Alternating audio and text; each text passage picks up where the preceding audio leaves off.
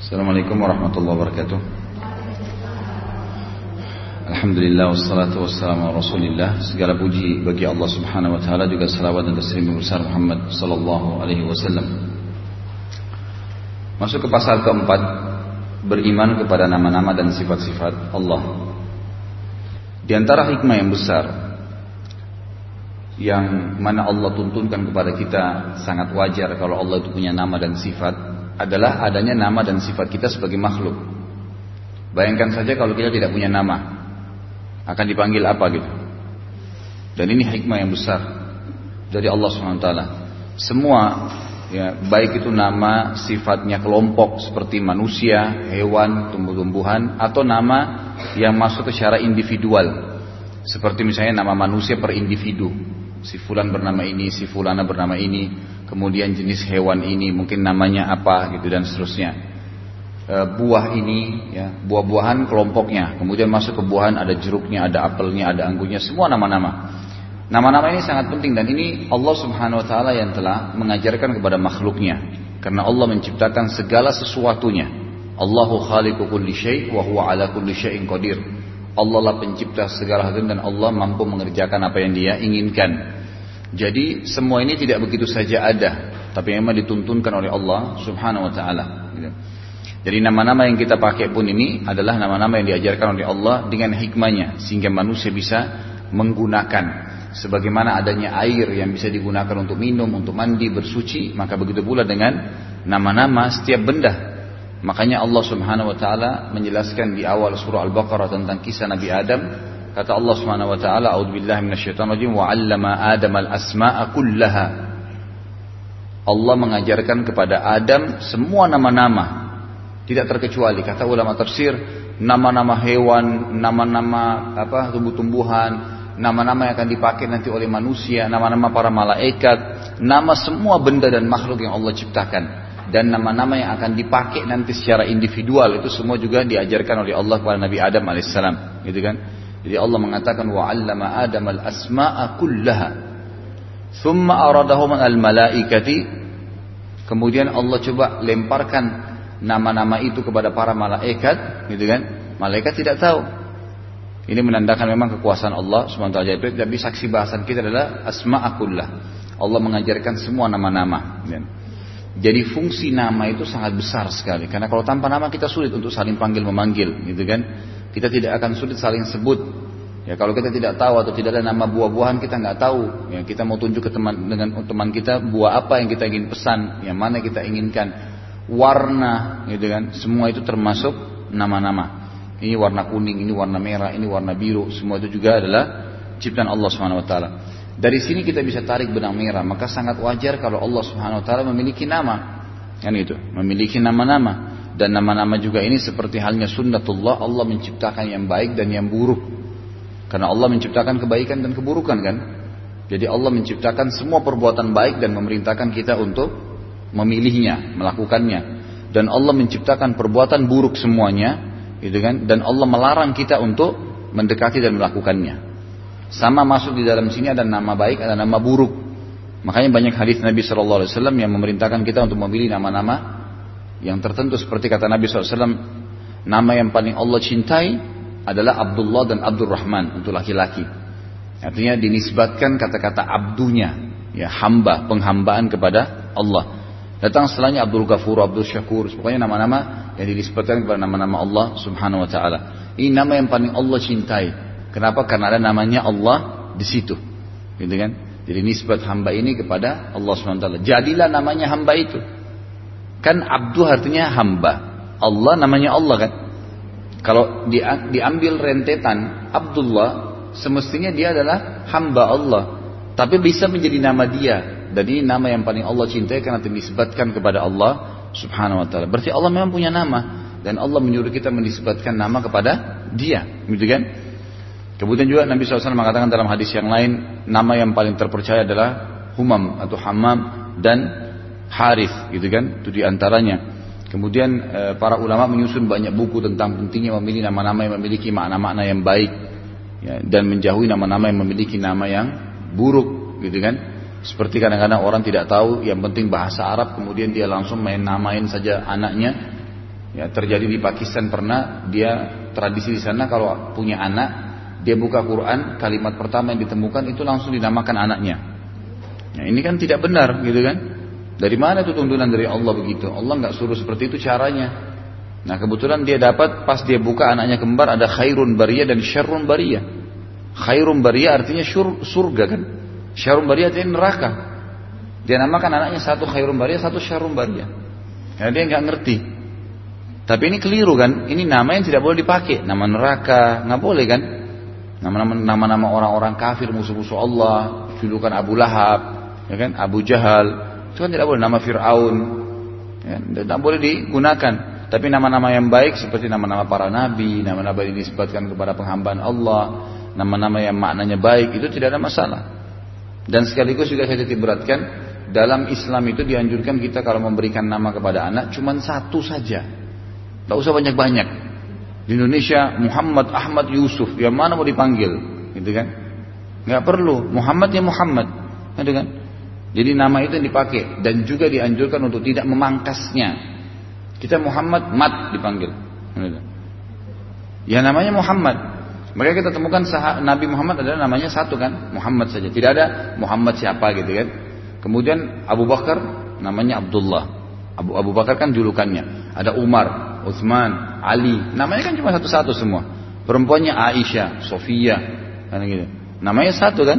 Sauda, Khawla. Namanya satu-satu semua. Tidak ada nama yang digabung-gabung banyak. Makanya sering terutama ibu-ibu tuh kalau mau melahirkan atau ada cucunya lahir, Ustaz nama ini bagus nggak? Namanya si fulan, si fulan, si fulan, empat sampai empat komponen untuk apa? Saya bilang maaf, pilih satu nama dan pilih nama-nama sahabiat cukup, nama-nama yang baik. Ya kan gitu. Nama-nama ibunya nabi-nabi, silahkan yang beriman kepada Allah itu lebih baik. Dan kita tidak butuh nama banyak dan usahakan untuk tidak dipangkas.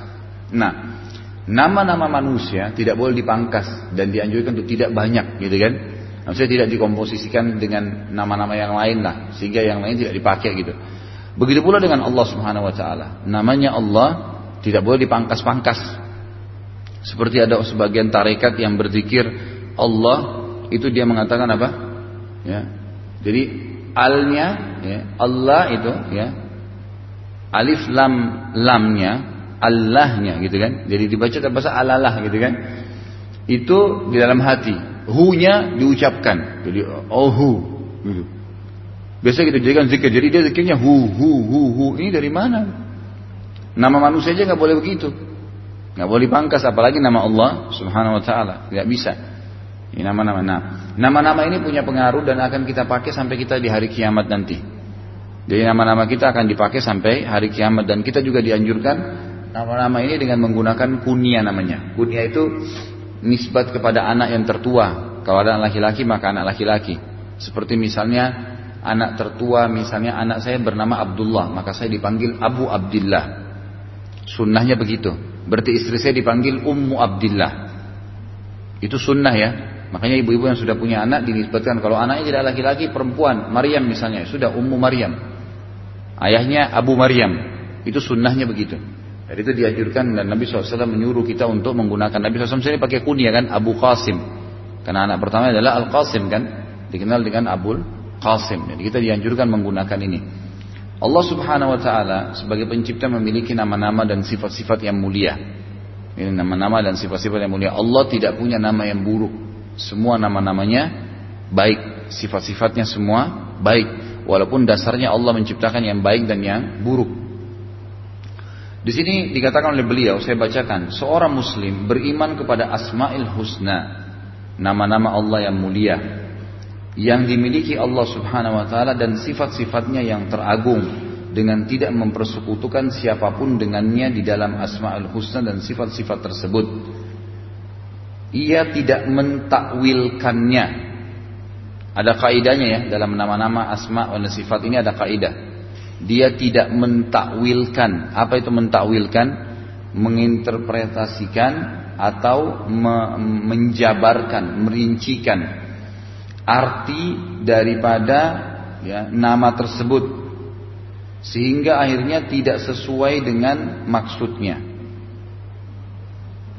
Misal saya kasih contoh orang yang mentakwilkan Allah punya tangan misalnya.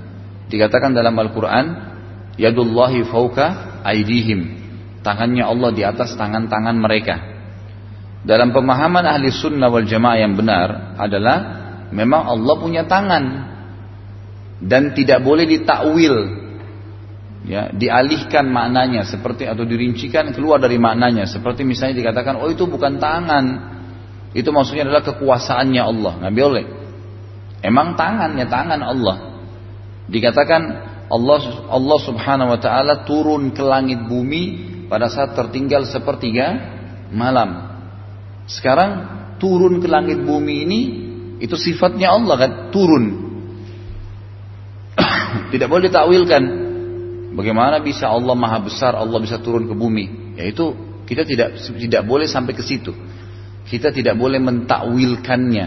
Nanti juga di sini dikatakan dia tidak boleh mentakwilkan atau menginterpretasikan dengan arti yang tidak sesuai dengan maknanya sehingga muncul mentaktil apa itu taktil? Meniadakan sifat tersebut. Akhirnya dikatakan Allah nggak punya tangan. Karena dia tidak mau mengatakan Allah punya tangan, gitu kan? Mungkin karena khawatiran nanti menyerupai makhluk dan segalanya tidak. Kita tidak perlu. Jadi tidak boleh kita mentakwilkan, tidak boleh mengalihkan maknanya sehingga melahirkan taktil, pembatalan, penolakan terhadap nama dan sifat itu. Kemudian dikatakan juga dan tidak pula melakukan tashbih.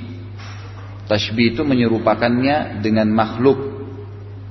Tidak perlu kita menyerupakan dengan makhluk. Allah punya tangan ya, Allah punya tangan. Tidak usah dibayangkan seperti tangan manusia. Nggak perlu. Hikmah yang paling besar Allah ciptakan tangan hewan berbeda-beda, tangan manusia berbeda-beda, tangan jin beda. Ya. Mungkin karena kita tidak pernah lihat juga, mungkin tangan malaikat juga berbeda dengan kuasa Allah Subhanahu Wa Taala. Gitu kan? Bentuk-bentuk hewan yang berbeda itu berarti Allah maha sempurna. Allah tidak seperti makhluknya. Jadi tidak boleh ditashbihkan, diseru, diserupakan dengan makhluknya. Dikatakan tidak boleh tashbih dengan sifat-sifat makhluk dan tidak boleh pula menanyakan tentang sifatnya atau takyif. Bagaimana ya Allah turun ke langit bumi sepertiga malam. Bagaimana Allah turunnya? Itu nggak perlu kita sampai ke sana. Cukup kita imani memang Allah turun ke langit bumi pada saat tertinggal sepertiga malam. Itu saja. Selesai. Allah punya tangan. Ya udah Allah punya tangan. Dikatakan dalam tafsir surah Qaf tentang neraka di mana Allah SWT mengatakan apa? A'udzubillahi minasyaitonir yauma naqulu li jahannam halim talati wa taqulu hal min mazid. Nanti di hari kiamat kami akan katakan kepada neraka, apakah sudah penuh kamu? Ya, maka neraka menjawab, apakah masih ada tambahan ya Allah? Tambahin aja kalau masih ada. Ini ayat Al-Quran surah Qaf. Lalu Nabi SAW menjelaskan dalam hadis Bukhari, lalu Allah terus melemparkan ke dalam neraka dan tidak pernah cukup. Terus neraka minta, masukkan saja Allah, hukum saja di saya orang-orang yang jahat, gitu kan? Sampai kata Nabi SAW, Allah meletakkan di atas neraka telapak kakinya yang mulia.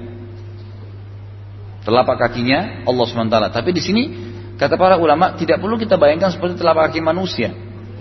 Tapi kita wajib mengimani Allah punya kaki. Itu wajib kita imani. Tanpa mengalihkan maknanya, tanpa membatalkan, tanpa menyerupakan dengan makhluk, dan tanpa menanyakan bagaimana mekanismenya. Itu kaidahnya empat. Tidak boleh taktil, tidak boleh takwil, menakwilkannya, tidak boleh mentaktil membatalkan, tidak boleh mentashbih menyerupahkannya dan tidak boleh takif menanyakan bagaimananya.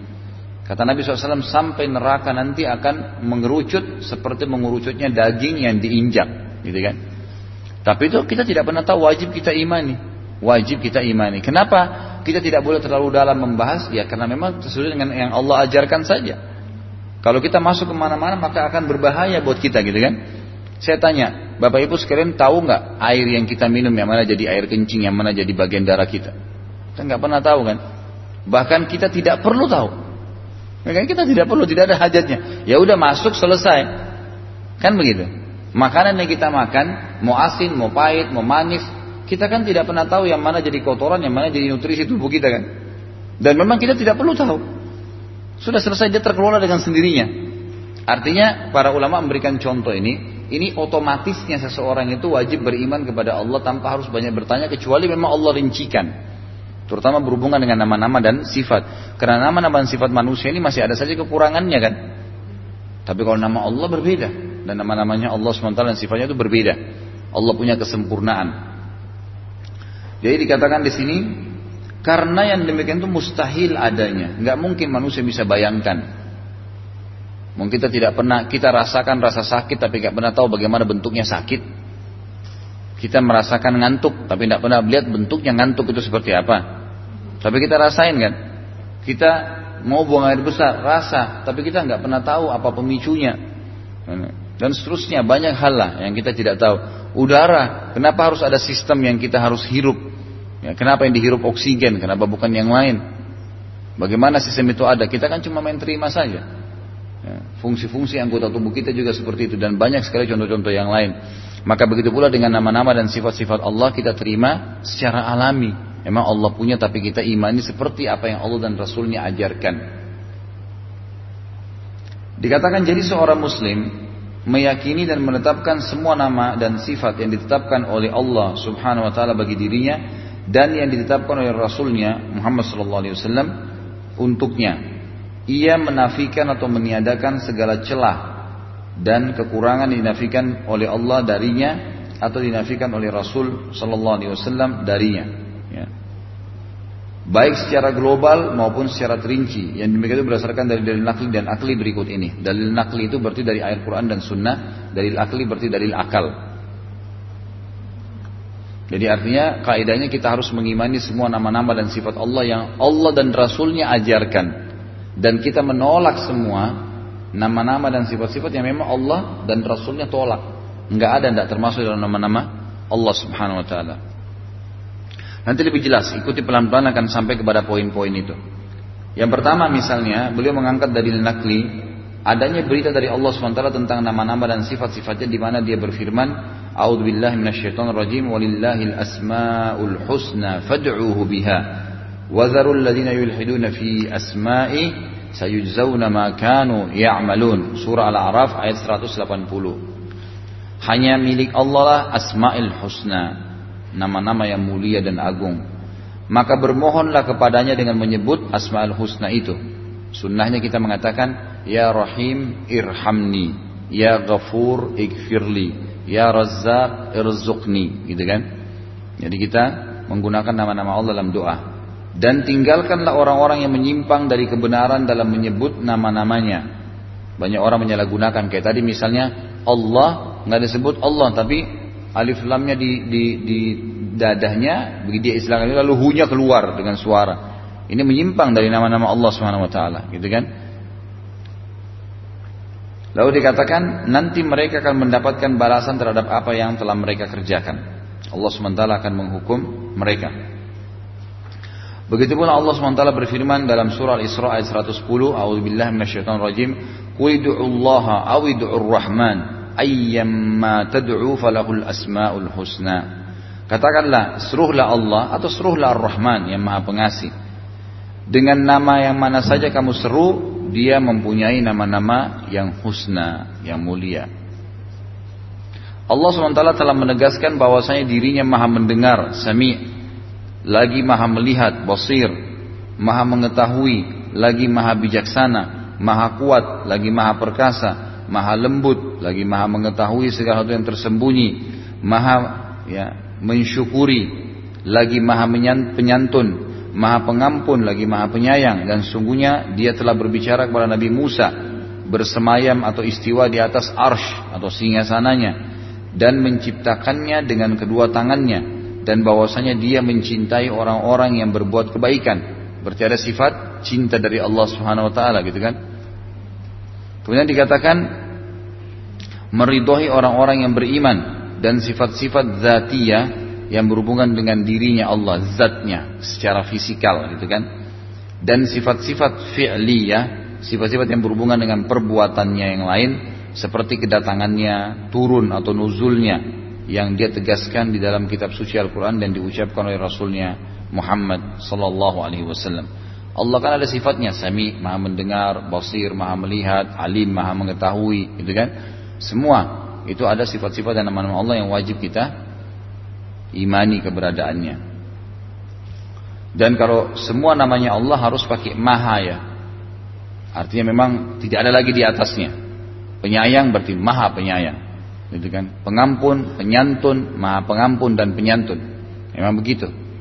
Ya, makanya Nabi SAW dalam hadis Bukhari pernah melewati seorang ibu lagi nyusui bayinya. Ini sudah pernah saya ulangi riwayatnya kan. Kemudian e, Nabi SAW berkata kepada para sahabat, siapa yang bisa merebut anak itu dari ibunya? Kata para sahabat tidak ada ya Rasulullah. Bagaimana bisa pasti ibunya akan melawan. Ya, kata Nabi Shallallahu Alaihi Wasallam demi jiwaku yang ada di tangannya maksudnya demi Allah Allah Tuhan kalian lebih sayang kepada kalian daripada ya ibu itu kepada anaknya. Saya sudah kasih contoh bagaimana sifat kasih sayangnya Allah minggu yang lalu, pertemuan yang lalu ya. ya pertemuan yang lalu maksud saya bukan minggu lalu dua, dua pekan yang lalu itu bagaimana Allah Subhanahu Wa Taala ya mengasihi kita dengan 70 tahun kita berbuat kesalahan pun Hari pertama tahun 71 bertobat Allah ampuni. Itu dengan kemahamurahan. Orang-orang yang berbuat maksiat, orang berbuat kejahatan tidak langsung dihukum oleh Allah pada saat itu. Dikasih kesempatan taubat. Dan orang-orang yang terzalimi Allah lipat gandakan pahalanya, tinggikan derajatnya. Allah dengan kemahamurahannya. Nah, itu. Dengan kemahamurahannya. Dan banyak nama-nama dan sifat-sifat Allah yang mulia. Kemudian dikatakan Poin kedua adalah berita dari Rasulullah SAW tentang nama-nama dan sifat-sifat Allah yang tertera dalam hadis-hadis sahih yang sangat jelas. Seperti sabda beliau, "Yadhaqullahu ila rajulaini yaqtulu ahaduhuma al-akhar, kilahuma yadkhulul jannah." Allah tertawa kepada dua orang laki-laki yang saat salah seorang dari keduanya membunuh yang lain namun keduanya masuk ke dalam surga. Hadis Bukhari, Muslim. Ini hadisnya ada, ada lanjutannya ya, ada lanjutan. Ya, kata para sahabat ya Rasulullah bagaimana bisa dua orang saling bunuh membunuh lalu Allah tertawa dan dua-duanya masuk ke dalam surga. Kata Nabi Shallallahu Alaihi Wasallam seorang Muslim berjihad lalu berperang melawan orang kafir kemudian dia dibunuh oleh orang kafir sehingga dia mati syahid kan masuk surga. Kemudian beberapa waktu setelah itu yang kafir ini mendapatkan hidayah masuk Islam lalu berperang juga lalu terbunuh sehingga dua-duanya mati syahid gitu kan maka Allah tertawa dengan atau tersenyum melihat kedua orang ini. Nah di sini Allah swt punya sifat ketawa, gitu kan? Bagaimana ketawanya Allah? Apakah sama dengan makhluk? Tidak bisa kita bahas. Yang jelas Allah punya sifat ketawa. Tidak boleh ditakwilkan, tidak boleh dibatalkan, taktilkan, tidak boleh ditashbihkan serupai dengan makhluk, tidak boleh ditakifkan atau ditanyakan bagaimana mekanismenya. Tapi wajib diimani memang Allah Subhanahu wa taala tertawa, gitu kan?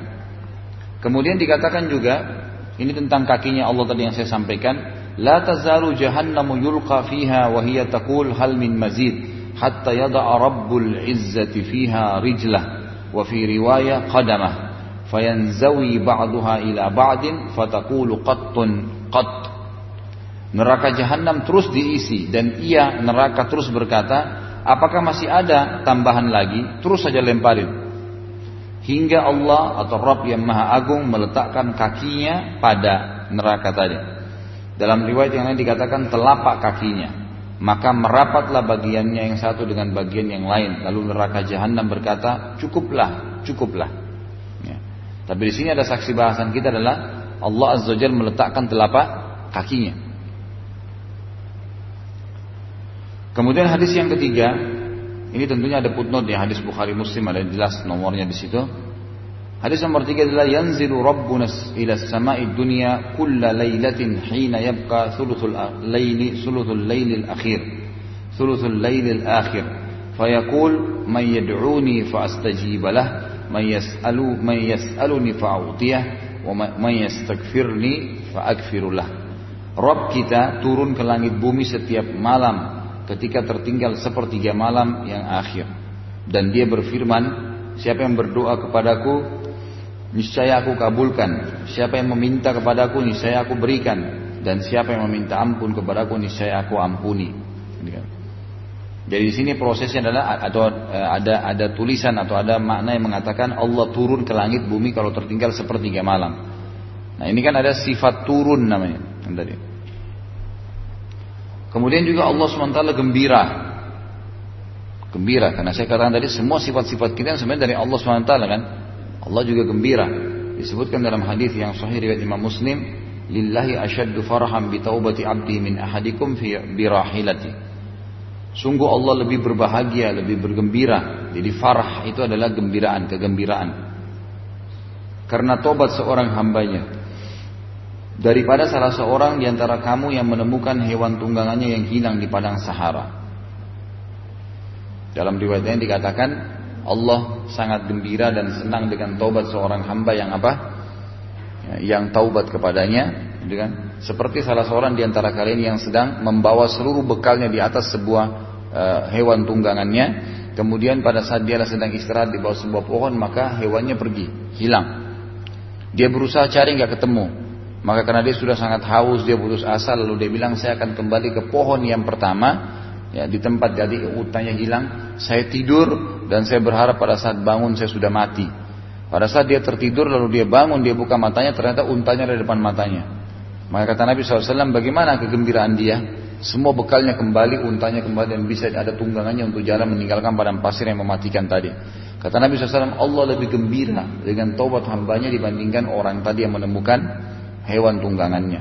Berarti Allah SWT sangat senang dengan hambanya kalau mau kembali. Dan ini menandakan juga semua manusia pasti berbuat kesalahan. Tidak ada yang luput dari kesalahan. Kita semua bisa berbuat salah. Yang penting adalah orang yang paling baik, orang yang mau bertobat dari kesalahannya, kemudian mengisi masa-masa yang tersisa dengan amal soleh. Itu baru dikatakan baik. Kemudian Allah Subhanahu Wa Taala berada di atas langit. Sebagaimana pertanyaan Nabi SAW kepada seorang budak wanita Aina Allah? Faqalat fis sama. Nabi SAW bertanya, di mana Allah? Wanita itu berkata, di langit. Qala man ana? Kata Nabi SAW, lalu siapa saya menurut kamu? Kata budak wanita itu, qalat anta Rasulullah, engkau adalah utusan Allah. Qala fa'atiqha fa innaha mu'minah. Kata Nabi SAW, bebaskanlah budak ini karena dia seorang yang mukminah, yang beriman kepada Allah Subhanahu wa taala. Saksi bahasan adalah Allah Subhanahu wa taala berada di atas langit dan ini termasuk sifatnya Allah Subhanahu wa taala. Tadi Allah turun. Ya, Allah di atas langit. Itu semua sifat-sifat Allah Subhanahu wa taala.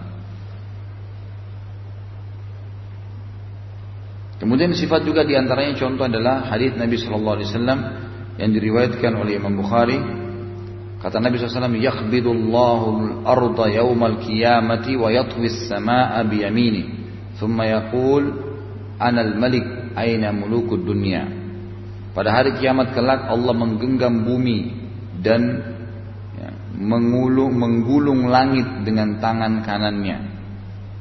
Kemudian dia berfirman, akulah raja penguasa, mana raja dunia. Ini pada saat orang semua sudah hancur. Allah SWT mengambil langit dan bumi, kemudian ya, menggenggamnya. Jadi di sini kan Allah punya tangan, Allah menggenggam, Allah berbicara, ya kan? Karena Allah mengatakan mana saya adalah penguasa, saya raja, mana raja-raja dunia. Ini semua sifat-sifat dan nama-nama Allah Subhanahu wa taala. Ini bukti dalil dari sunnah Nabi sallallahu alaihi wasallam. Yang ketiga adalah pengakuan kaum salafus saleh Salaf itu artinya yang telah berlalu ya. Saleh artinya yang patuh kepada Allah Subhanahu wa taala. Pengakuan kaum salafus saleh dari generasi sahabat tabi'in dan para tokoh madhab yang empat. Imam Abu Hanifah, Imam Malik, Imam Syafi'i dan Imam Ahmad Ibn Hanbal rahimahumullah tentang sifat-sifat Allah dan mereka tidak mentakwilkannya, tidak pula menolaknya atau mengeluarkannya dari makna lahirnya. Tidak seorang pun dari sahabat Nabi yang mentakwilkan salah satu sifat Allah atau mengatakan bahwasanya zahir sifat ini bukan yang dimaksud. Akan tetapi mereka beriman kepada maknanya dan mengartikannya sesuai atau sebagaimana zahirnya. Mereka mengetahui bahwasanya nama sifat-sifat Allah ini tidak tidak seperti sifat makhluknya. Maka dari itu ketika Imam Malik ditanyakan tentang ayat Allah Ar-Rahmanu al-Arshistawa dalam surah Toha ayat 5 yaitu Rob yang maha pemurah yang bersemayam di atas arsnya. Beliau menjawab istiwa bersemayam itu sudah diketahui artinya. Kaifianya, hakikat sifatnya, bagaimana terjadi Allah bersemayam tidak diketahui dan menanyakan tentang itu adalah perbuatan bid'ah. Imam Syafi'i pernah berkata, aku beriman kepada Allah dan kepada sesuatu yang datang dari Allah sesuai dengan maksud yang diinginkan Allah. Dan aku beriman kepada Rasulullah SAW dan kepada sesuatu yang datang dari Rasulullah sesuai dengan maksud yang diinginkan oleh Rasulullah Sallallahu Alaihi Wasallam. Ini Imam Syafi'i. Imam Ahmad juga pernah berkata bin Hambal berkaitan dengan sabda-sabda Nabi SAW seperti sungguhnya Allah turun ke langit bumi yang terendah dan bahwasanya Allah dapat dilihat ya pada hari kiamat Allah takjub tertawa dan marah meridhoi tidak menyukai dan mencintai Beliau berkata, kami beriman kepada semua itu dan membenarkannya tanpa takyif, tanpa mempertanyakan bagaimana hakikatnya dan tanpa mempertanyakan makna hakikatnya. Maksudnya adalah kita beriman bahwasanya Allah SWT turun atau yanzil dan dapat dilihat kelak di akhirat. Dia beriman di atas, dia berada di atas arsnya terpisah dari makhluknya. Akan tetapi kita dapat mengetahui hakikat atau kaifiat turunnya. Atau akan tetapi kita tidak dapat mengetahui hakikat turunnya ke langit bumi. Ru'ya melihat Allah pada hari kiamat nanti cara bersemayamnya dan makna yang hakiki untuk itu semua, semua pengetahuan tentang masalah itu kita serahkan seluruhnya kepada Allah yang telah memfirmankannya dan telah mewahyukannya kepada Nabi Muhammad SAW. Kita tidak menentang Rasulullah SAW, tidak pula menetapkan sifat bagi Allah lebih dari apa yang ditetapkan oleh Allah Subhanahu Wa Taala bagi dirinya dan juga dari Allah yang ditetapkan oleh Rasulnya Muhammad SAW tanpa alasan. Namun kita tetap mengetahui bahwasanya Allah Subhanahu wa taala tidak menyerupai segala satunya dan Dialah yang Maha mendengar lagi Maha mengetahui. Ini nama-nama dan sifat-sifat Allah Subhanahu wa taala berikut dari dalil naklinya. Sebentar lagi kita akan masuk ke dalil akli, ya. dalil akal bahwasanya Allah itu punya nama-nama dan sifat-sifat. Yang pertama adalah Allah SWT telah menetapkan sifat-sifat bagi dirinya yang telah menamakan dirinya dengan nama-nama. Dia tidak melarang kita untuk menyebut dan menamakannya dengan sifat-sifat dan nama-nama tersebut dan tidak pernah menyuruh kita untuk melakukan takwil, pengalihan makna terhadap sifat-sifat dan nama-namanya atau mengartikannya di luar arti lahirianya. Lalu apakah masuk akal apabila dikatakan kalau kita menyebut dan menyifati Allah dengan sifat dan nama-nama tersebut berarti kita telah menyerupakan Allah dengan makhluknya maka dari itu kita wajib mengetahui maka dari itu kita wajib mengetahui takwil dan mengartikannya di luar arti yang sebenarnya sehingga dengan begitu kita menjadi muattilin orang-orang yang meniadakan sifatnya serta menafikan sifat-sifat Allah dan mengingkari nama-namanya padahal Allah telah mengancam orang-orang yang mulhidin yang mengingkari nama-nama Allah Subhanahu wa taala Inilah Allah sebutkan dalam surah Al-A'raf ayat 180. A'udzubillahi minasyaitonir wa dzarul ladzina yulhiduna fi asma'i sayuzuna makanu ya'malun dan tinggalkanlah orang-orang yang menyimpang dari kebenaran dalam menyebut-nyebut namanya Allah namun mereka akan mendapatkan balasan terhadap apa yang mereka kerjakan. Yang kedua, bukti akalnya bukankah orang yang menafikan salah satu sifat Allah karena takut dari tasbih terjerumus kepada keyakinan menyerupakan dan menyamakan Allah dengan makhluknya itu berarti telah menyamakan sifat-sifat Allah dengan sifat-sifat makhluk kemudian karena takut dari tasbih menyerupakan Allah dengan makhluknya, ia lari darinya dan terjebak di dalam nafi, meniadakan dan ta'til, membatalkan. Maka dengan demikian, dengan begitu ia menafikan dan mengingkari sifat-sifat Allah Subhanahu wa taala yang telah dia tetapkan bagi dirinya dan dengan demikian berarti dia juga telah melakukan dua dosa besar sekaligus yaitu tasbih dan ta'til. Tasbih artinya menyerupakan dan ta'til membatalkan. Nah biasanya orang-orang yang menolak ini karena dia takut nanti kalau kita bilang Allah punya tangan berarti menyerupai makhluk itu nggak perlu sampai ke sana. Cukup imani saja. Cukup imani saja. Kemudian dikatakan oleh beliau, sesungguhnya beriman kepada sifat-sifat Allah dan menyifati Allah dengan tidak mengharuskan tasbih dengan sifat-sifat Allah sebab akal sehat itu sendiri tidak menolak kalau Allah mempunyai sifat-sifat khusus baginya dan tidak serupa dengan sifat-sifat makhluknya. Tidak akan pernah sama kecuali hanya dengan sekedar nama dan sebutan saja. Maka sang pencipta memiliki sifat-sifat khusus baginya sebagaimana bagi makhluk memiliki sifat-sifat yang khusus baginya. Ketika seorang muslim beriman kepada sifat-sifat Allah dan menyifatinya dengan sifat-sifat tersebut, ia sama sekali tidak berkeyakinan dan tidak pernah melintas dalam hatinya bahwasanya tangan Allah itu misalnya mirip dengan atau sama dengan tangan makhluk dan makna seperti apa pun jua. Yang demikian itu karena sang pencipta Allah sangat berbeda dan tidak sama dengan makhluknya baik pada zat maupun perbuatannya. Ini ada dua dalil penutup dalam bab ini ya adalah kulullah yang sering kita dengar di mana Allah SWT berfirman, "A'udzubillahi minasyaitonir Qul huwallahu ahad." Katakan dia Allah yang Maha Esa, Allahu Samad, Allah dan Rabb yang bergantung kepadanya segala sesuatu, apa pun bergantung pada Allah Subhanahu wa taala. Lam yalid wa lam yulad, dia tidak beranak dan juga tidak diperanakkan. Ini berarti nama-nama dan sifat Allah. Kemudian walam yakul lahu kufuwan ahad dan tiada seorang pun yang setara dengannya. Yang sama dengan Allah Subhanahu wa taala. Al-Ikhlas ayat 1 sampai ayat 4 dan terakhir adalah surah Asy-Syura ayat 14. A'udzubillahi minasyaitonir rajim. Laisa kamitslihi syai'un wa huwas samiul basir. Ini kaidah yang paling penting dalam asma wa sifat adalah ayat ini kata Allah tidak ada sesuatu apa pun yang serupa dengannya dan dia adalah zat yang maha mendengar lagi maha melihat. Artinya kita harus tahu kalau Allah punya tangan ya tangannya Allah dengan kemahakuasaannya dengan kemahasempurnaannya bukan seperti tangan makhluknya gitu kan tidak ada yang menyerupai dia, tidak bisa digambarkan. Dan dialah zat yang maha mendengar lagi maha melihat. Banyak ayat berhubungan dengan masalah ini. Di antaranya juga pada hari kiamat nanti setelah orang masuk ke dalam surga Allah memperlihatkan wajahnya untuk pertama kalinya sudah pernah saya jelaskan itu kan di mana ahli surga sudah melihat banyak sekali fasilitas surga dari istana, daya-daya, makanan, segala macam. Mereka sudah sangat puas dengan pemberian Allah itu. Lalu Allah berfirman kepada mereka, ya masih ada hijabnya, masih tidak kelihatan Allah. Apakah kalian sudah uh, sudah puas wahai hamba-hambaku dengan apa yang saya berikan?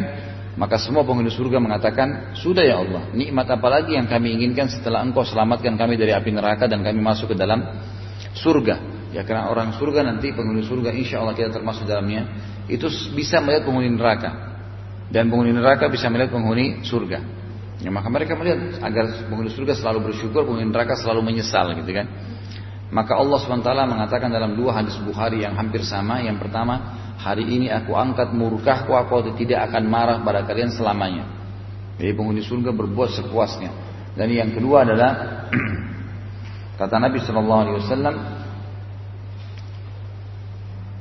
dia akan mengangkat hijabnya sehingga terlihat wajahnya pertama kali. Dan begitu terlihat wajahnya semua penghuni surga, semua tidak terkecuali mengatakan dan melupakan semua nikmat surga yang ada sebelumnya, makanan, minuman, pakaian, dan yang hilang semua karena melihat wajahnya Allah sekali. Maka mereka berkata, "Ya Allah, ya, uh, apa tidak ada nikmat yang lebih besar daripada ini." Makanya semua ulama sepakat mengatakan nikmat terbesar adalah melihat wajahnya Allah Subhanahu wa taala. Dan ini termasuk kita baca di dua tahiyat. Ya, tahiyat akhir kita baca wa as'aluka raddatan nadhar ila wajhik Ya kami minta ya Allah agar engkau karuniakan kami untuk bisa melihat wajahmu yang mulia. Jadi kan yang mulia.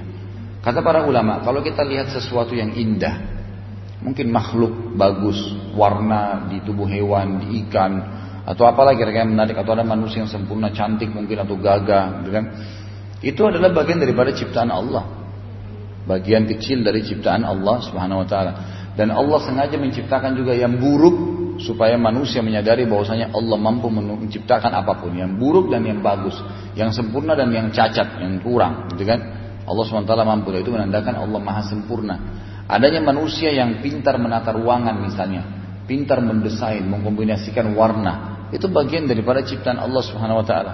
Bukankah kalau kita lihat seorang pelukis, kemudian dia melukis salah satu sub atau bagiannya, bagian daripada langit yang sedang dilihat di depan mata dia. Itu kan itu cuma bagian kecil sepandang mata mata dia saja yang bisa dijangkau. Maka dia lukis dan sama persis dengan lukisan itu. Apa yang kita bilang? Luar biasa. Mungkin lukisannya dibeli mahal. Padahal dia hanya menciplak ciptaannya Allah Subhanahu wa taala. Cuma menciplak saja. Tidak ada yang lain. Ya, sampai saya pernah melihat cuplikan di mana manusia ya, pada saat ingin menyombongkan diri, para ilmuwan sendiri mengatakan tidak ada yang perlu disombongkan karena semua ini bukan punya manusia pujian manusia. Kami pun paham tentang masalahnya tidak tahu dari mana. Dari mana asalnya rumus-rumus bisa muncul, teori-teori bisa muncul. Akhirnya kita jadi tahu. Ini nggak mungkin tanpa ada yang mengajarkan dengan hikmah dan caranya tentunya. Dengan hikmah yang caranya. Jadi Allah SWT maha sempurna dan memang belum kelihatan di dunia dan kita akan lihat nanti di akhirat biidnillahi ta'ala. Tidak ada menyerupai Allah dan dia maha mendengar lagi maha melihat. Baik sampai sini ada yang mau bertanya nama-nama dan sifat Allah? Silakan.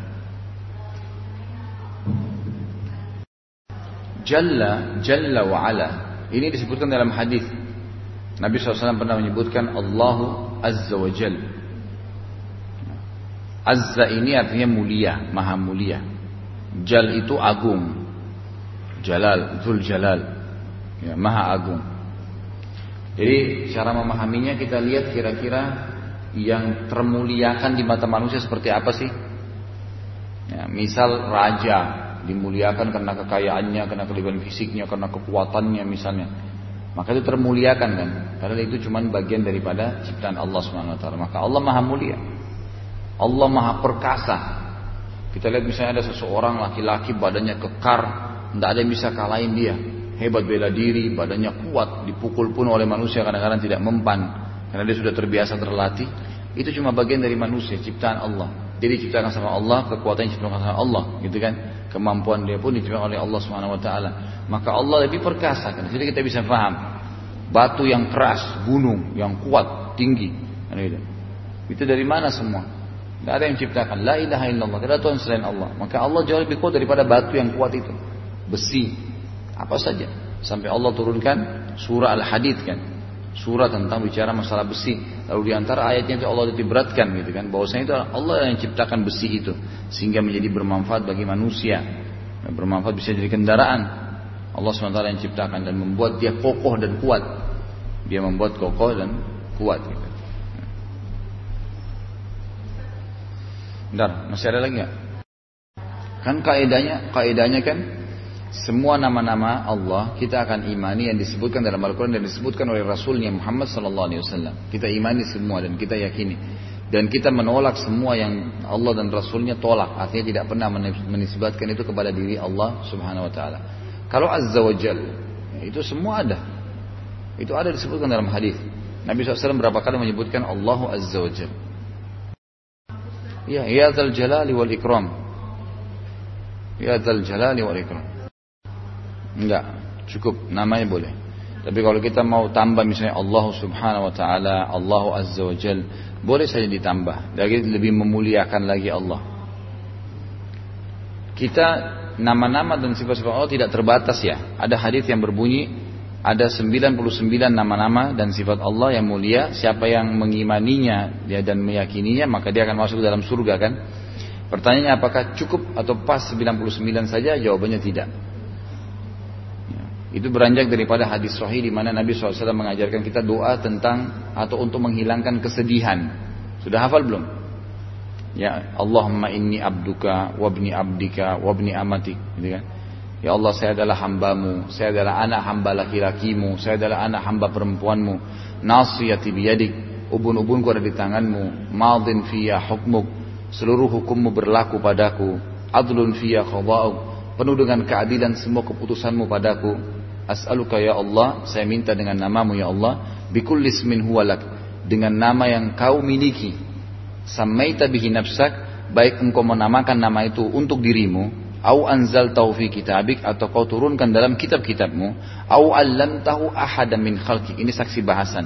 Atau engkau ajarkan kepada salah satu dari hamba-hambamu. Jadi, kan? Jadi bisa saja ada hamba-hamba Allah kata para ulama hadis, Allah ajarin nama-namanya Allah yang mungkin tidak ada. Ya, ya, yang mungkin di luar daripada 99 itu. Bisa terjadi. Dengan hikmah Allah SWT Allah ajarin dia. Dengan dengan kemahamurahannya. Yang jelas itu semua kan dipakai untuk puji-pujian. Ya, puji-pujian. Ya Syafi, Ishfini. Syafi kan yang maha penyembuh. Ya Allah juga boleh. Kan bisa bisa menggunakan nama-nama Allah ya Syafi, Ishfini misalnya Syafi, Syafi. Shin, alif, fa dengan ya, Syafi. Itu yang kata Nabi Ibrahim AS dalam Al-Quran, wa idha maridtu fahuwa yashfin. Kalau saya sakit hanya dialah yang akan menyembuhkan saya, maksudnya Allah. Ya Syafi ishfini.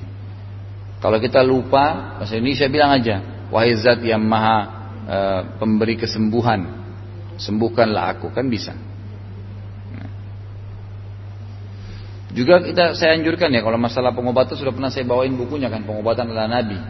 Mesti pakai dua-dua yang Nabi ajarin tuh. Banyak sekali kan. Banyak sekali dua-dua di antaranya as'alullah al-azim Rabbul arshil azim ayyashfiyaka kalau laki-laki kalau perempuan ayyashfiyaki itu kan kata Nabi SAW siapa yang baca tujuh kali pada saat menjenguk seseorang yang sedang sakit selama ajalnya belum datang maka Allah akan sembuhkan baca tujuh kali ini hadis sahih as'alullah al-azim saya meminta atas nama Allah yang maha agung Rabbul Arshil Azim, pemilik singgasana yang agung, ayyashfiyaka agar menyembuhkan kamu kalau laki-laki, kalau perempuan ayyashfiyaki agar menyembuhkan kamu. Hah? Kenapa?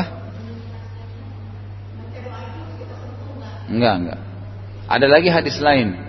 Ada hadis lain juga sahih yang berbunyi siapa yang merasa sakit di anggota tubuhnya lalu dia memegang sambil membaca Bismillahi a'udzu billah dengan nama Allah aku meminta agar dijauhkan dengan izin Allah min syarri ma ajidu wa uhadiru dari segala yang aku e, rasakan dan aku hati-hati darinya.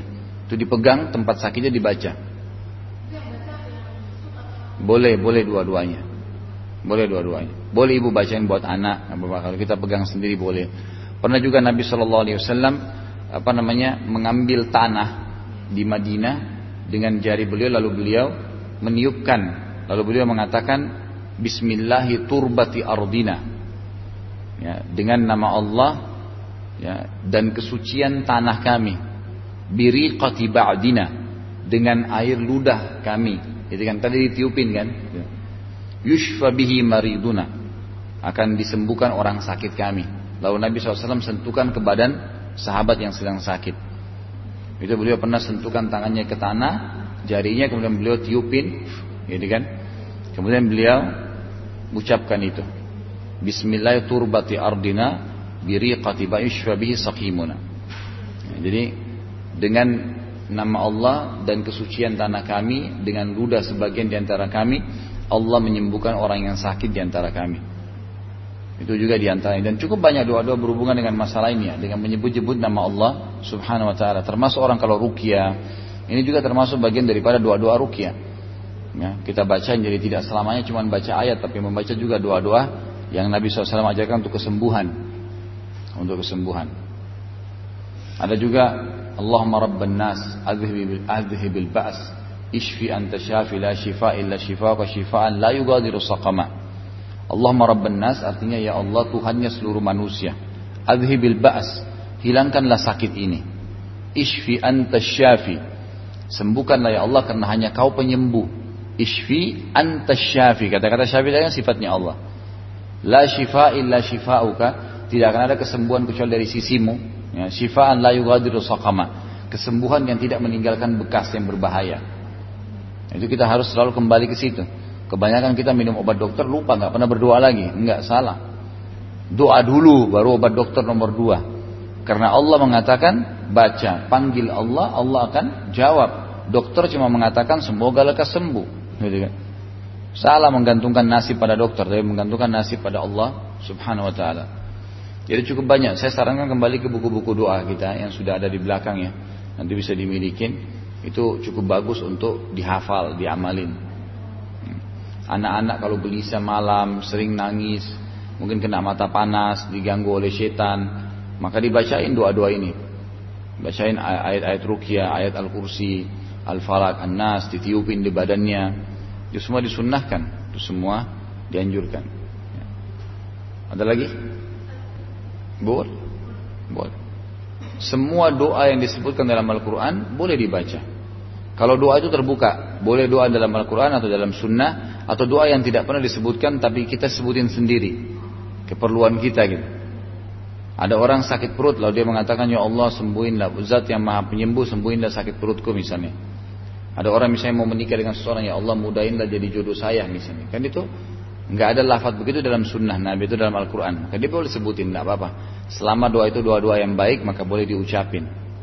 Kalau tadi doa Nabi Ayub boleh saja, boleh.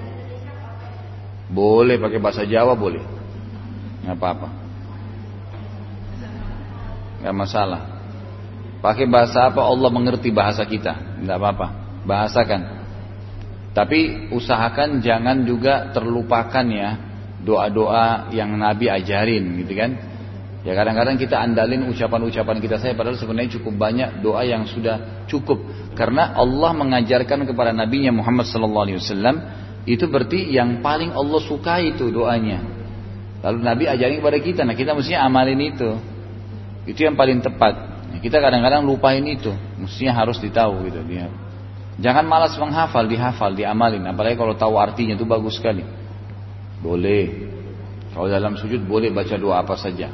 Nggak masalah, karena itu hadisnya jelas. Ya, boleh. Nggak masalah.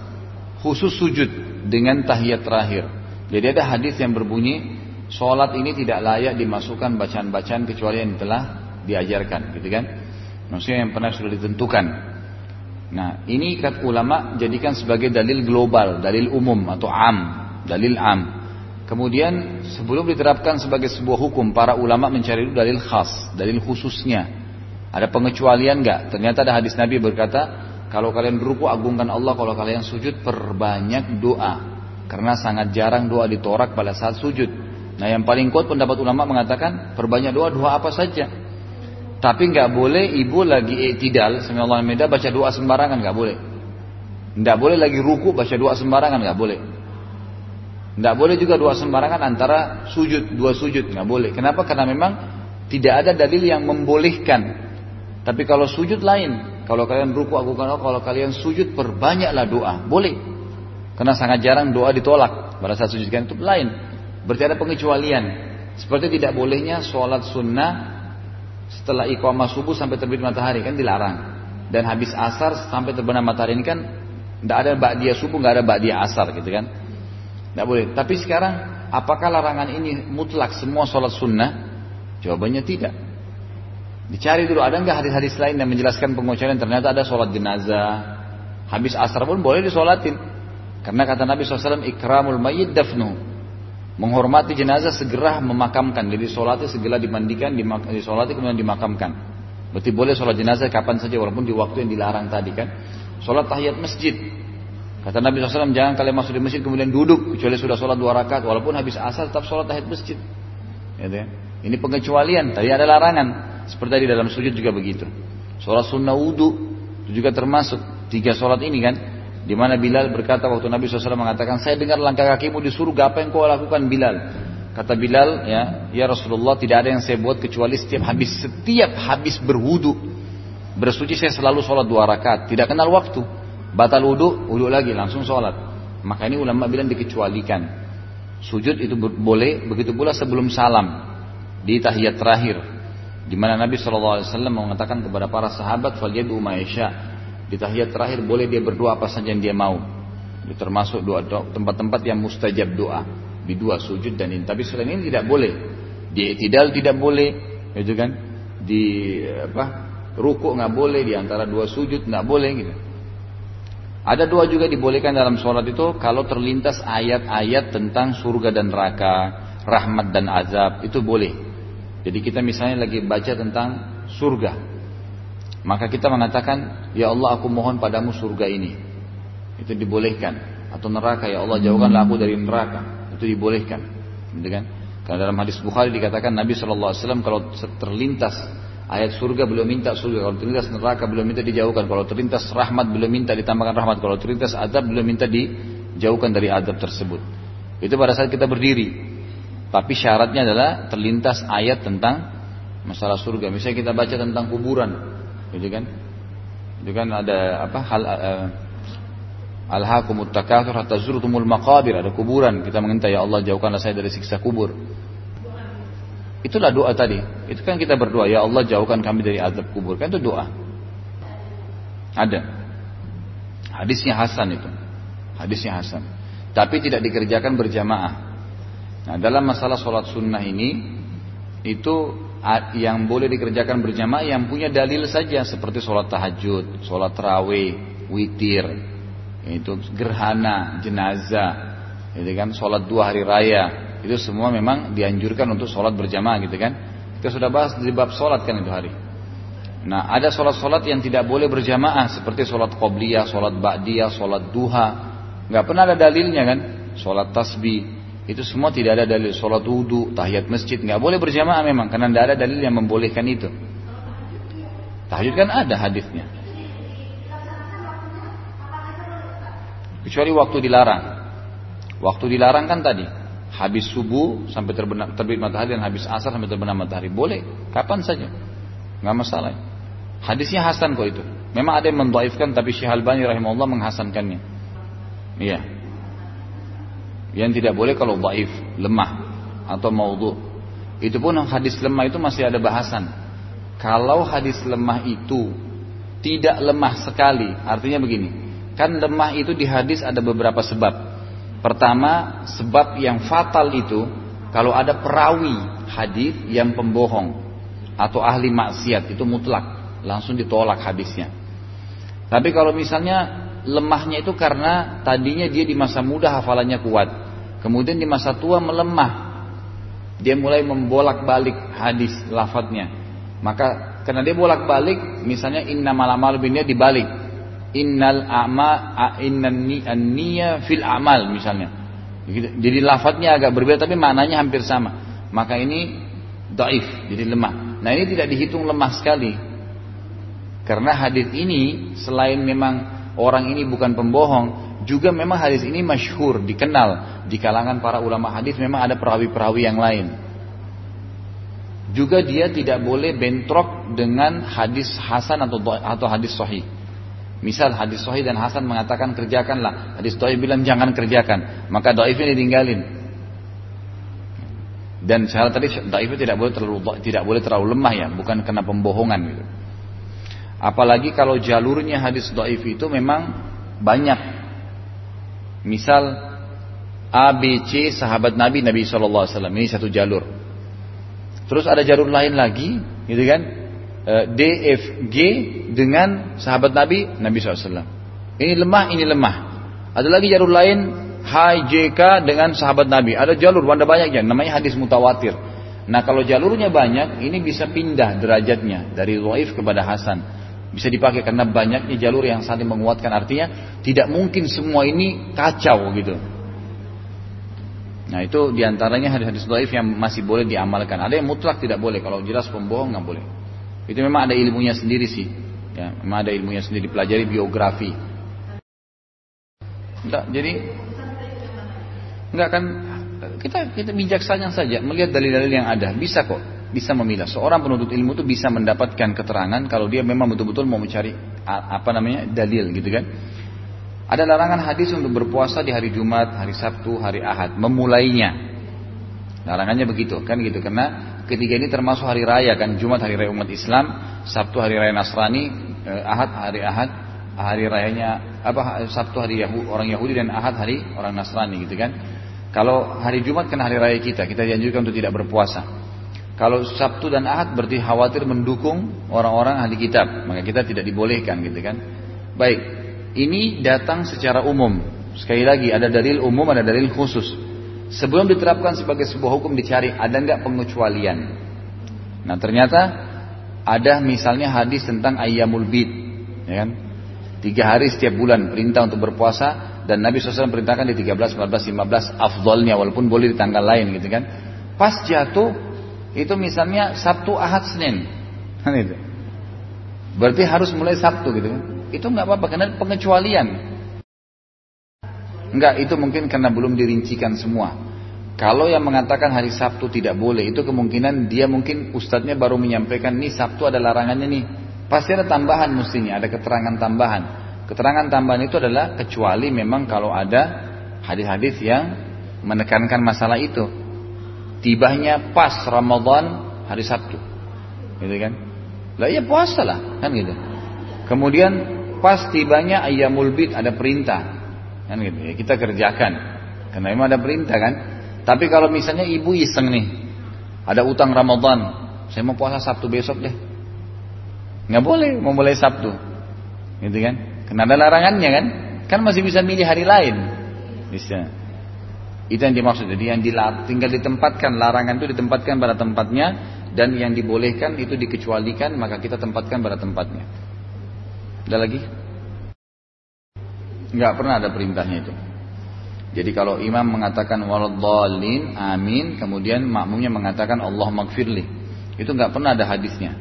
Selama saya bedah bab sholat dalam dari banyak kitab gitu kan dan sudah cukup banyak yang yang diterimakan dalam bahasa Indonesia pun itu dari buku-buku induk nggak pernah ada itu. Allahu alam. Enggak, enggak, enggak ada istilah kodok sholat. Dia pada saat e, tertidur tiba-tiba hilang akal, lupa, ini semua tidak kena hukum kan gitu. Kalau misalnya ulama rincikan lagi, kalau lupa maka dia harus kerjakan kapan dia ingat. Tapi kalau dia hilang akal, maka tidak ada istilah mengerjakan. Ada orang hari ini hilang akal, gila. Tiga hari kemudian Allah sembuhin. Apakah tiga hari ini dia harus kodok sholatnya? Jawabannya enggak. Sama kasus ibu-ibu yang haid misalnya. Pas masuk duhur belum haid. Nah. Belum mau sholat. Nanti deh jam 2 saya sholat.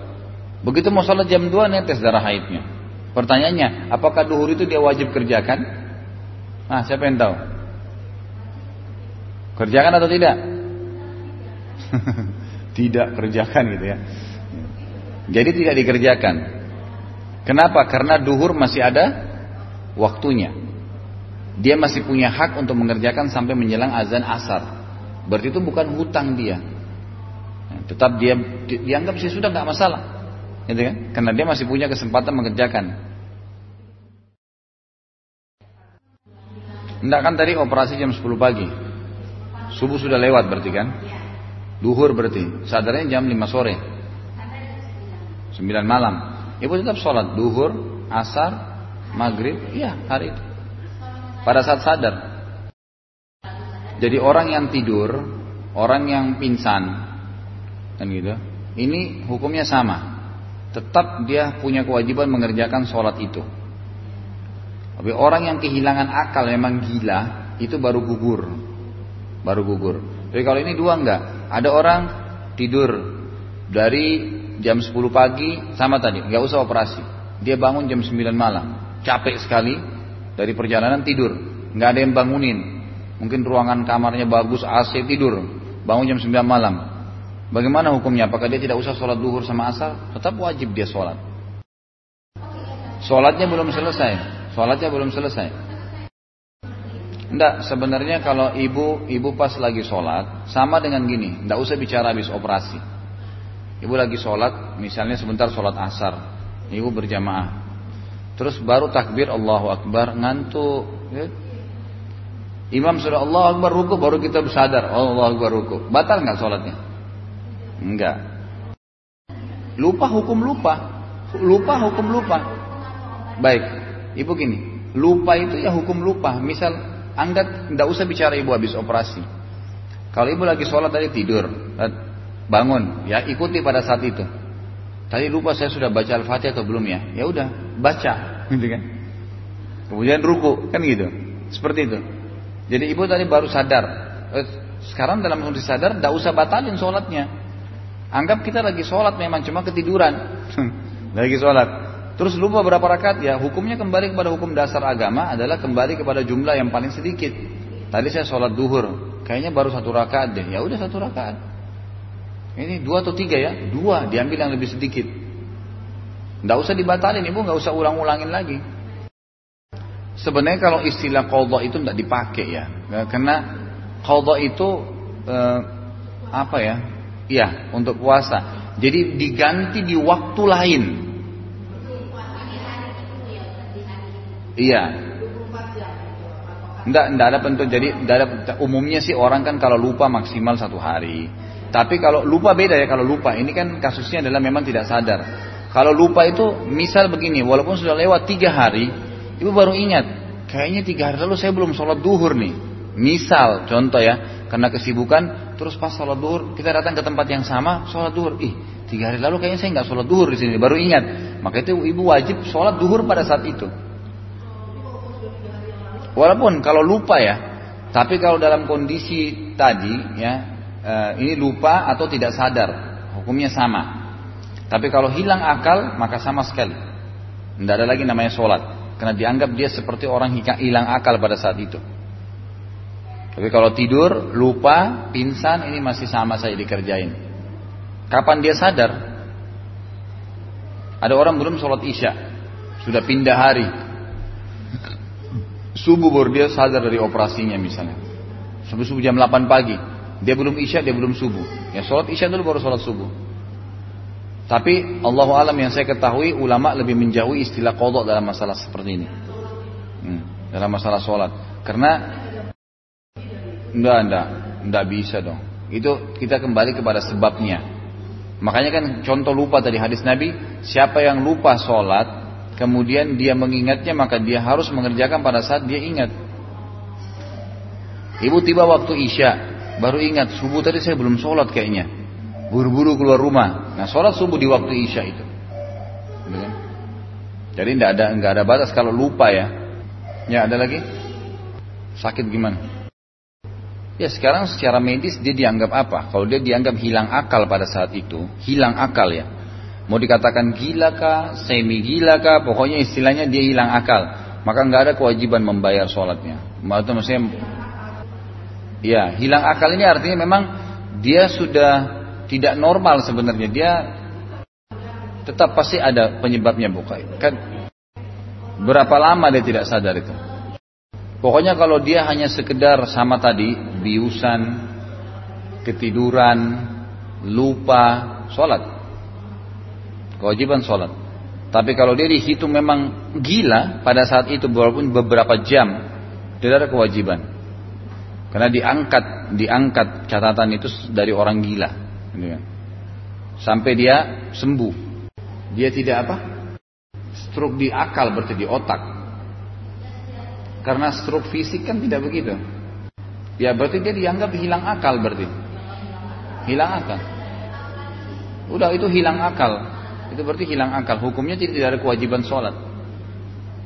Sama dengan orang di gaibuba. Tahu gaibuba itu gini. Orang kadang-kadang kalau mau sakarat itu ada yang tidak sadar sebulan. Nah itu tidak ada kewajiban koma.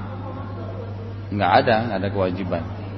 Itu sudah dianggap digaibubah, dia dianggap hilang akal. Ya sudah itu dianggap pokoknya yang tadi kasusnya adalah orang kehilangan akal yang tidak ada kewajiban sholat baginya. Berarti tinggalin sholat secara sengaja. Muka jangan mungkin bu. Jadi, ya itu berarti sengaja. Oh lain lupa, beda. Kasusnya beda. Kalau dia tinggalin secara sengaja, tidak ada namanya sholat bagi dia. Tidak boleh. Misal gini, ada orang sengaja tidak sholat duhur. Karena kerjaan kah, karena tidak mau kah. Pokoknya dia sengaja nggak mau sholat. Begitu waktu asar, dia baru dengar ceramah, haram, nggak boleh orang kalau tinggalin sholat. Dia baru taubat. Apakah dia harus sholat duhur? Enggak. Duhurnya sudah dianggap itu dosa dia. Karena dia sengaja tinggalkan. Ini tadi kita bicarain ada udur-udur syar'i. Makanya tadi itu penting. Jangan ibu bilang mungkin dia sengaja enggak. Dia sengaja atau enggak? Beda. Kalau dia lupa hukumnya beda. Kalau dia sengaja hukumnya beda. Ya itu sengaja namanya. Dia berdosa. Makanya kata Allah SWT apa? Wailun lil musallin alladzina fi salatihim sahun. Apa itu sahun? Lalai. Kata ulama tafsir sengaja mengulur-ulur waktu sampai keluar waktunya. Sengaja ya. Nah ini orang sudah harus taubat nggak ada sholat baginya. Ya dia sholat yang sholat waktu sekarang. Yang lain itu dia taubat kepada Allah. Ya dia ruginya mungkin dosanya diampuni tapi dia ruginya dia nggak dapat pahalanya itu yang bisa saja satu sholat itu sering saya tekankan kan bisa meninggikan derajat kita di surga yang luar biasa kita nggak pernah tahu Enggak, enggak, taubat saja. Ya. Kok kembali ke bab sholat lagi nih? Nah, apa bu? Dukun, pikun, kenapa?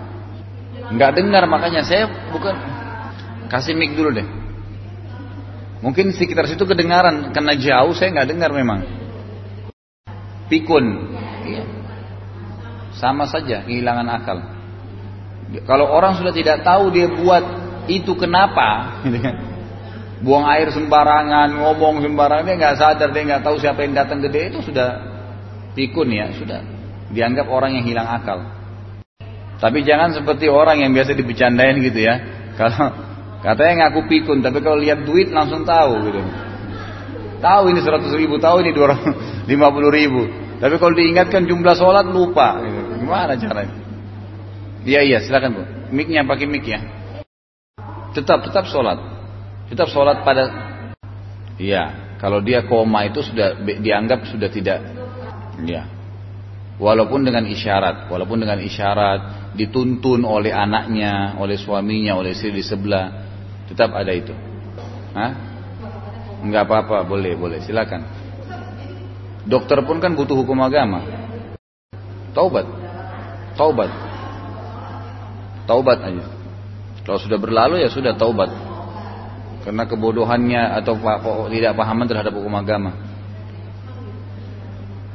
Sudah. Tidak ada yang tanya nama-nama Allah, sifat-sifat. Nah, ibu dokter dulu. Yang mana bu? Yang pegang mic dulu ya. nah, itu khilaf yang antara ulama. Jadi e, pendapat yang kuat sebenarnya pada saat seorang wanita sudah mengeluarkan cairan walaupun bayinya belum keluar, eh, kalau kita pecah ketuban. Nah itu sudah sudah sudah sudah dimasukkan dalam kategori nifas. Jadi nifas itu tidak selamanya maksudnya dia masuk di pembukaan nifas. Karena dengan pecahnya ketuban berarti dia sudah melalui proses melahirkan dan otomatis nifas kan gitu. Otomatis nifas gitu kan, baik keguguran kah atau tidak, ya tetap dia akan nifas setelahnya gitu kan. Jadi itu sudah di pendapat yang paling kuat mengatakan sudah tidak ada kewajiban sholat. Karena dia akan bertemu antara rintihan sakit dengan harus sholat gitu kan nggak ketemu kecuali memang belum masih proses masih cuma nyeri-nyeri ya dia sholat gitu.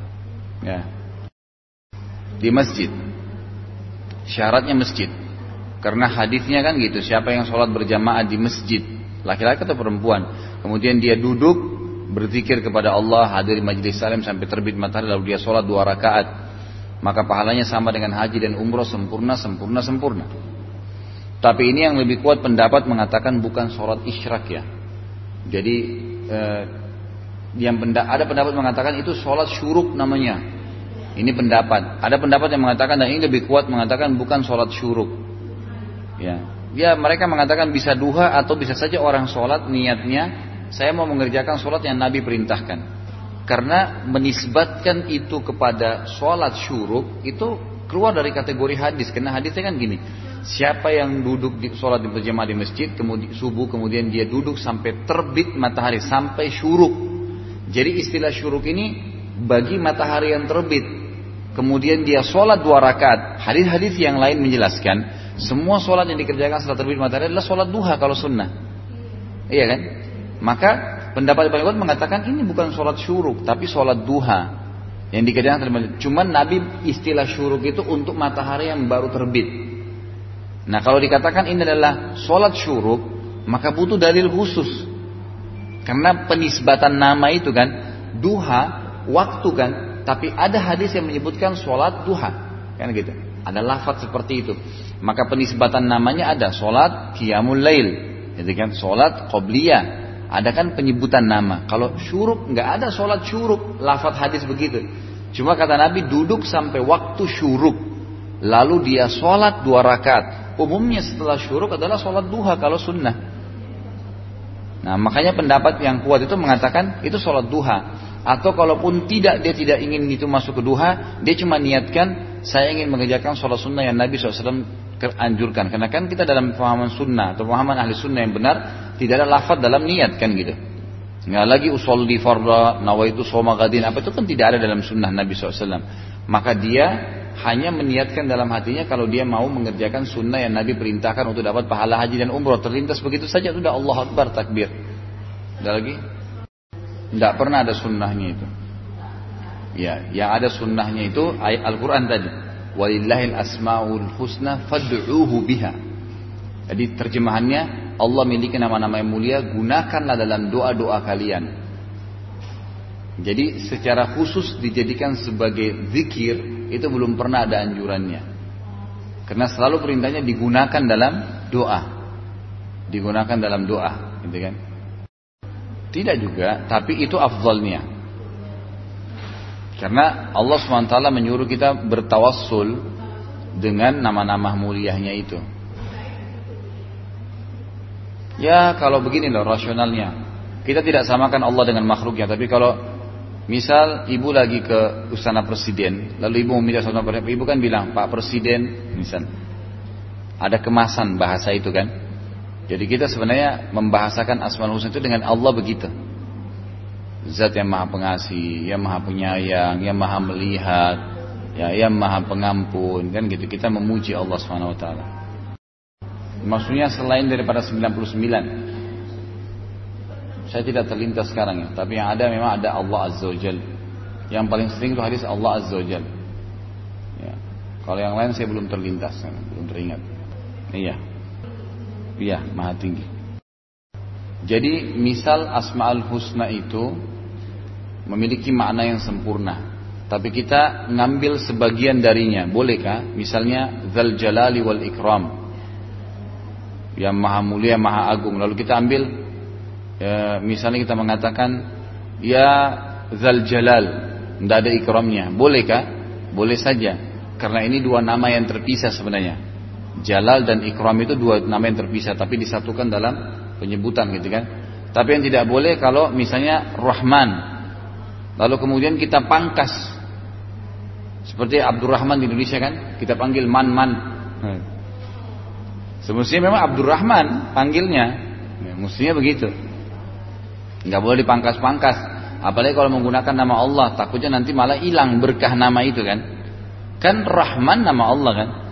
Abdul Rahman kita sebutin.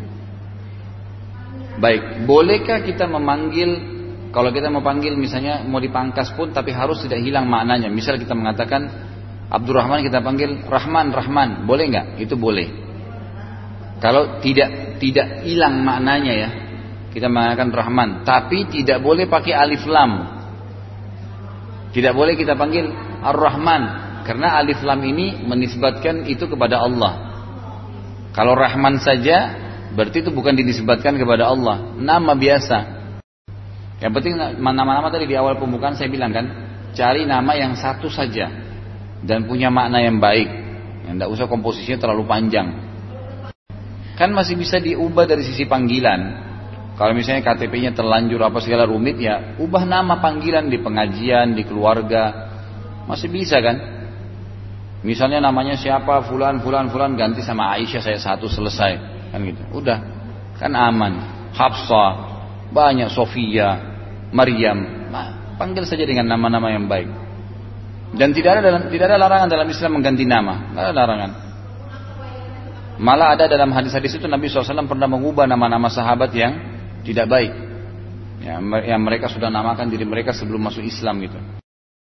Juga ada larangan menggunakan nama yang memuji kita seakan-akan kita itu orang yang paling patuh dengan Allah seperti Barrah. Barrah, Barrah itu kan orang yang paling patuh, kan tidak boleh. Ada larangan. Kata Nabi SAW, "Wala tuzakku anfusakum", jangan kalian puji-puji diri kalian. Gitu kan? Karena itu nama tidak sesuai. Tidak boleh juga nama jadi terlalu memuji berlebihan atau memang merusak makna itu. Nama-nama yang tidak baik. Ada lagi? Berkaitan dengan memuji berlebihan. Enggak ada masalah. Enggak ada masalah. Jadi ini maksud di sini puji berlebihan ini emang tidak layak. Atau tadi yang saya bahaskan nama dan itu berhubungan dengan masalah kedekatan dengan Allah yang tidak bisa dicapai kecuali dengan iman tertentu. Istilah barra tadi kan itu, barra itu artinya orang yang sangat patuh dan tidak pernah melanggar, gitu kan. Nah itu tidak bisa. Tapi kalau anak-anak kita support, berikan motivasi, pujian itu malah anjuran dalam agama Islam. Dalam pendidikan anak itu malah ada anjuran. Itu memuji dalam masalah ibadah. Dalam masalah ibadah. Jadi kasusnya begini, pernah ada sahabat sholat, sholatnya bagus sekali, luar biasa tuh maknina sempurna gitu. Lalu ada sahabat yang lain bilang Nabi sempat dengar. Dia bilang orang ini luar biasa ya sholatnya gitu. Kata Nabi SAW kalau kau sampai memperdengarkan ke dia kau sudah membinasakannya. Nabi SAW sini larang apa? Ujian karena orang itu ibadah kan? Orang lagi selesai sholat langsung didatangin. Kamu tadi khusyuk sekali ya. Nah ini yang perlu dilemparin pasir mukanya nih. Ya. Tapi kalau dipuji kamu cantik ya, oh ya alhamdulillah, masya Allah, nggak apa-apa. Jangan dilempar pasir. Ya. Hmm. Kenapa? Itu nggak ada masalah. Ada masalah. Untuk motivasi ke dia kan. Sudah? Sudah habis pertanyaan di kantongnya semua? Ini memang lebih baik pertanyaan nih, tanggung. Bentar lagi asar. Ada pertanyaan lagi nggak? Ibu dokter kasusnya mana nih? Banyak. Jadi kalau buku-buku fikih semua itu tidak ada tidak dibahas tentang masalah perbedaan warna. Karena biasa ada perempuan yang darah haidnya merah sekali, ada yang agak keruh, ada yang mungkin cuma ada yang banyak, ada yang cuma berapa tetes gitu kan. Itu tidak dijadikan patokan. Kalau yang saya tahu dari jumhur ulama, yang dijadikan patokan adalah rutinitas dia saja. Makanya setiap perempuan harus tahu, dia harus tahu rutinitas dia haid setiap bulannya yang rutinnya yang paling sering paling sering tujuh hari yaitu patokannya kapan dia dalam lima tahun ini selalu berjalan atau sepuluh tahun atau dua puluh tahun berjalan selalu tujuh hari sekarang tiba-tiba perubahan hormon dia e, jadi enam hari saja misal itu tetap kata para ulama dia semestinya harus menunggu sampai hari ketujuh hari rutinnya makanya sering terjadi dia mandi nih dia sholat begitu selesai sholat netes lagi darahnya gitu kan Walaupun cuma status tidak boleh. Ya kan? Jadi patokannya adalah tanggal, hari. Dan itu selalu ada dalam hukum syari kita kan. Masa iddah tiga bulan. Kan penentuan itu. Dia harus tahu, nggak bisa enggak. Saya nggak tahu kapan masa iddah saya, nggak bisa. Kan gitu. Jadi dia harus tahu. Masa haidnya dia harus tahu, masa nifasnya dia harus tahu. Nah, gitu. Ini sebagian ulama syafi'iyah yang mengatakan maksimal batasnya dua minggu. Tapi kalau jumhur ulama mengatakan tidak, bukan begitu. Patokan rutinitasnya dia apa? Kecuali ada indikasi penyebab ya. Seperti misal, setelah dia selesai melahirkan anak pertama, berubah. Ya, setelah masa nifas, kemudian dia berjalan seperti biasa. Haid pertama, haid kedua itu enam hari, lima hari, lima hari, lima hari, lima hari. Berubah dari jadwal yang pertama, waktu dia masih gadis. Nah itu karena ada faktor medis misalnya karena dia melahirkan atau karena suntik KB atau karena ada faktor yang lain. Maka dia ikutin yang rutin mulai setelah kasus perubahan hormon tadi. Ternyata setelah suntik KB, haid rutinnya yang sudah suntik sebulan sekali misalnya itu jadi tiap lima hari saja ya sudah lima hari patokannya dia tidak dia sudah lupakan lagi yang tujuh hari yang dari masih gadis itu karena ada penyebab tadi kan sama kasus biasa kan umroh gitu ada yang tanya saya Ustadz kalau lagi umroh boleh nggak kita suntik supaya nggak keluar darahnya karena sayang ibadahnya. Ya, pendapat terakhir ulama mengatakan boleh saja. Gitu kan? Karena tidak ada tidak ada sesuatu yang haram di situ kan. Malah dia bisa leluasa ibadah. Tapi yang jadi masalah pada saat dia sudah suntik, apalagi kalau yang belum pernah suntik sebelumnya gitu kan, maka terjadi perubahan. Nah ini tinggal dia lihat setelah perubahan itu, dia patokan dulu e, bulan pertama haidnya yang lalu, tujuh hari misalnya, itu cuma lima hari. Bulan kedua dilihat sama dia. Kalau lima hari juga sudah bersih, berarti patokannya mulai sekarang adalah bulan yang lalu, yang lima hari. Bukan lagi dia kembali ke bulan sebelumnya, karena sudah ada perubahan tadi yang terjadi. Oke, alasan apa darah yang keluar itu dikatakan bukan darah haid? Apa memang ada perbedaan dasar dengan haid yang biasa? Karena dalam begini, sebelum ibu lanjutin, dalam hukum syari Cara membedakan antara darah haid dan darah nifas adalah masa saja. Itu saja. Misal haid adalah sesuatu yang rutin keluar bagi dari seorang wanita setiap bulannya. Nifas adalah keluar pada saat dia melahirkan. Begitu saja penjelasannya kan. Masalah kasuistik sekarang disuntik, kemudian ada perubahan hormon. Semestinya dalam medis dia tidak tidak haid, tapi ternyata keluar darah.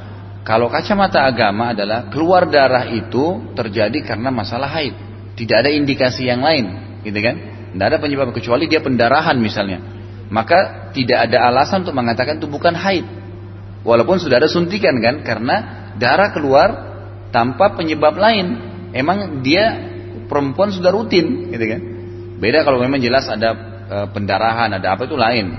Jadi semestinya itu tetap dihitung haid.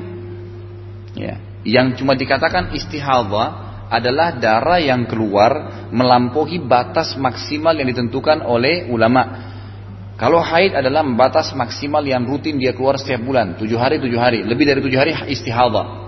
Dia wajib mandi, wajib sholat. Jadi kan rutinnya dia tujuh hari, berarti sudah yang ke delapan, yang sembilan masih berdarah itu berarti dia harus apa namanya mandi. Apalagi orang kena sihir, kena sihir itu sering kali haidnya bertambah, gitu kan?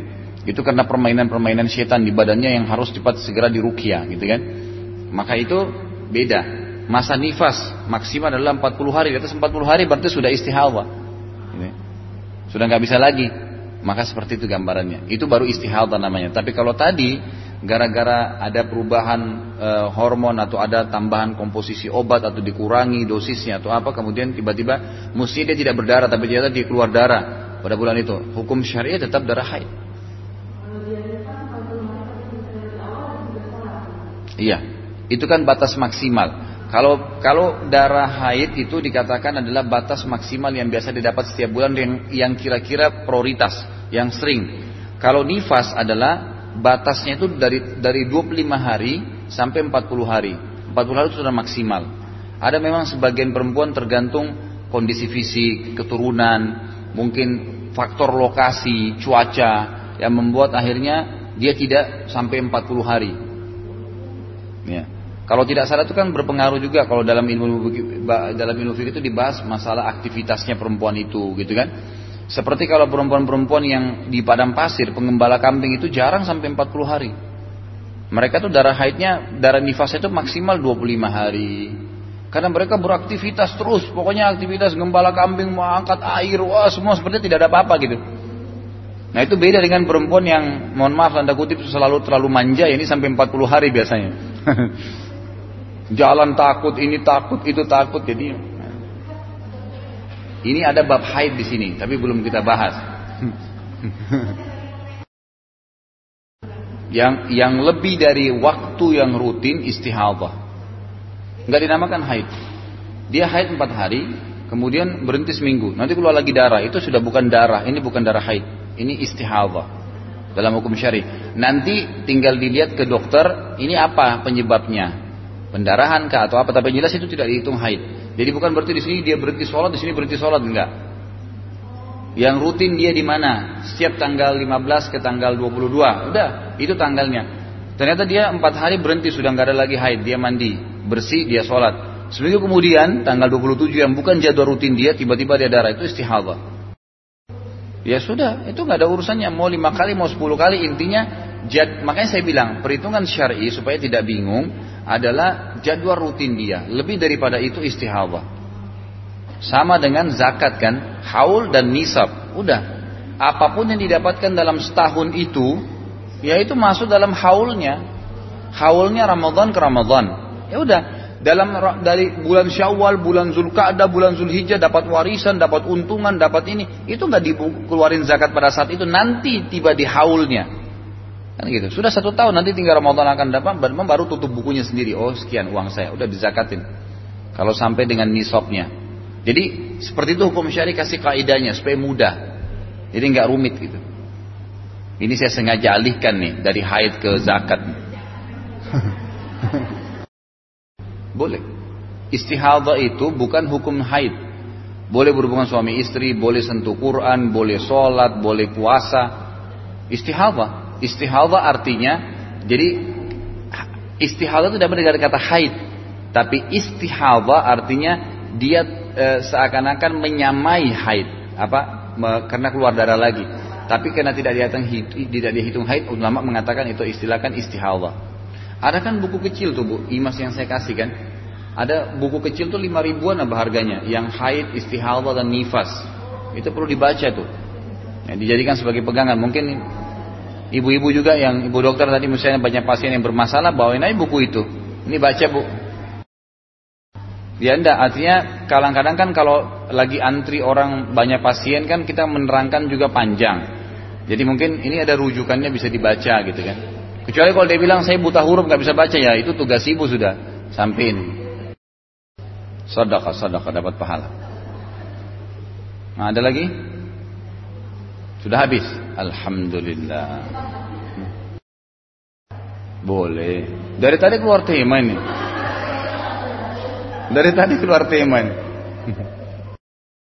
Jadi kita tidak melihat bahan, kita tidak melihat apa yang digunakan, tapi yang kita lihat adalah bahannya halal atau tidak. Karena dalam masalah seksual Islam, semua dibolehkan kecuali meletakkan kemaluan di dubur. Dan masa haid dan nifas tidak meletakkan kemaluan laki-laki di kemaluan perempuan. Makanya Aisyah berkata radhiyallahu anha dalam hadis Bukhari, kami kalau sedang haid dan Nabi SAW ingin menggaulinya, maka beliau mengencangkan kain di tempat kemaluannya, kemaluan istrinya, kemudian beliau menggaulinya. Artinya di sini ulama hadis bilang semua boleh dilakukan, selama itu taradin ya. Jadi ada uh, sedikit pesan para ulama fikih masalah khusus seksual ini tidak boleh ada ikrah, tidak boleh ada uh, perbuatan itu secara paksa.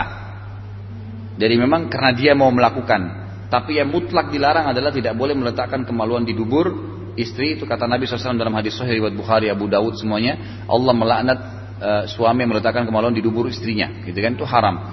Uh, kemudian juga Allah melaknat orang-orang yang mendatangi dukun serta yang menggauli istrinya di kemaluan pada saat haid dan nifas. Gitu kan? Berarti itu yang mutlak dilarang. Selain itu maka tidak ada masalah. Onani hukumnya haram bagi laki-laki kalau dilakukan sendiri, tapi kalau istrinya lakukan maka tidak masalah. Dia tidak berdosa karena masuk dalam masalah bab istimtaknya gitu kan. Masalah penggunaan jelila atau apa saja bahannya itu kalau memang bahannya dasarnya tidak haram, tidak ada masalah.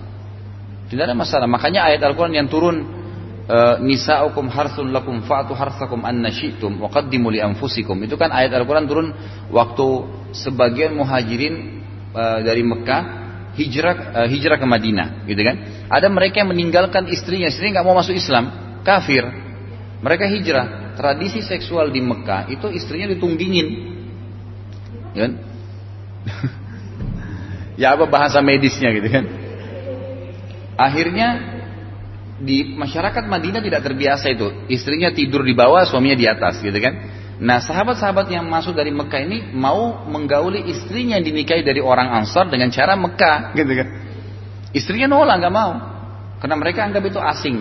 Turunlah ayat ini yang artinya wanita atau istri kalian adalah lahan ladang kalian maka yang mereka sesuai yang kalian inginkan dan dahulukan diri kalian gitu kan maksudnya laki-laki itu lebih membutuhkan masalah variasinya dibandingkan perempuan maka Allah menyuruh itu tidak ada masalah. Jadi hal yang diharamkan saja yang tidak boleh.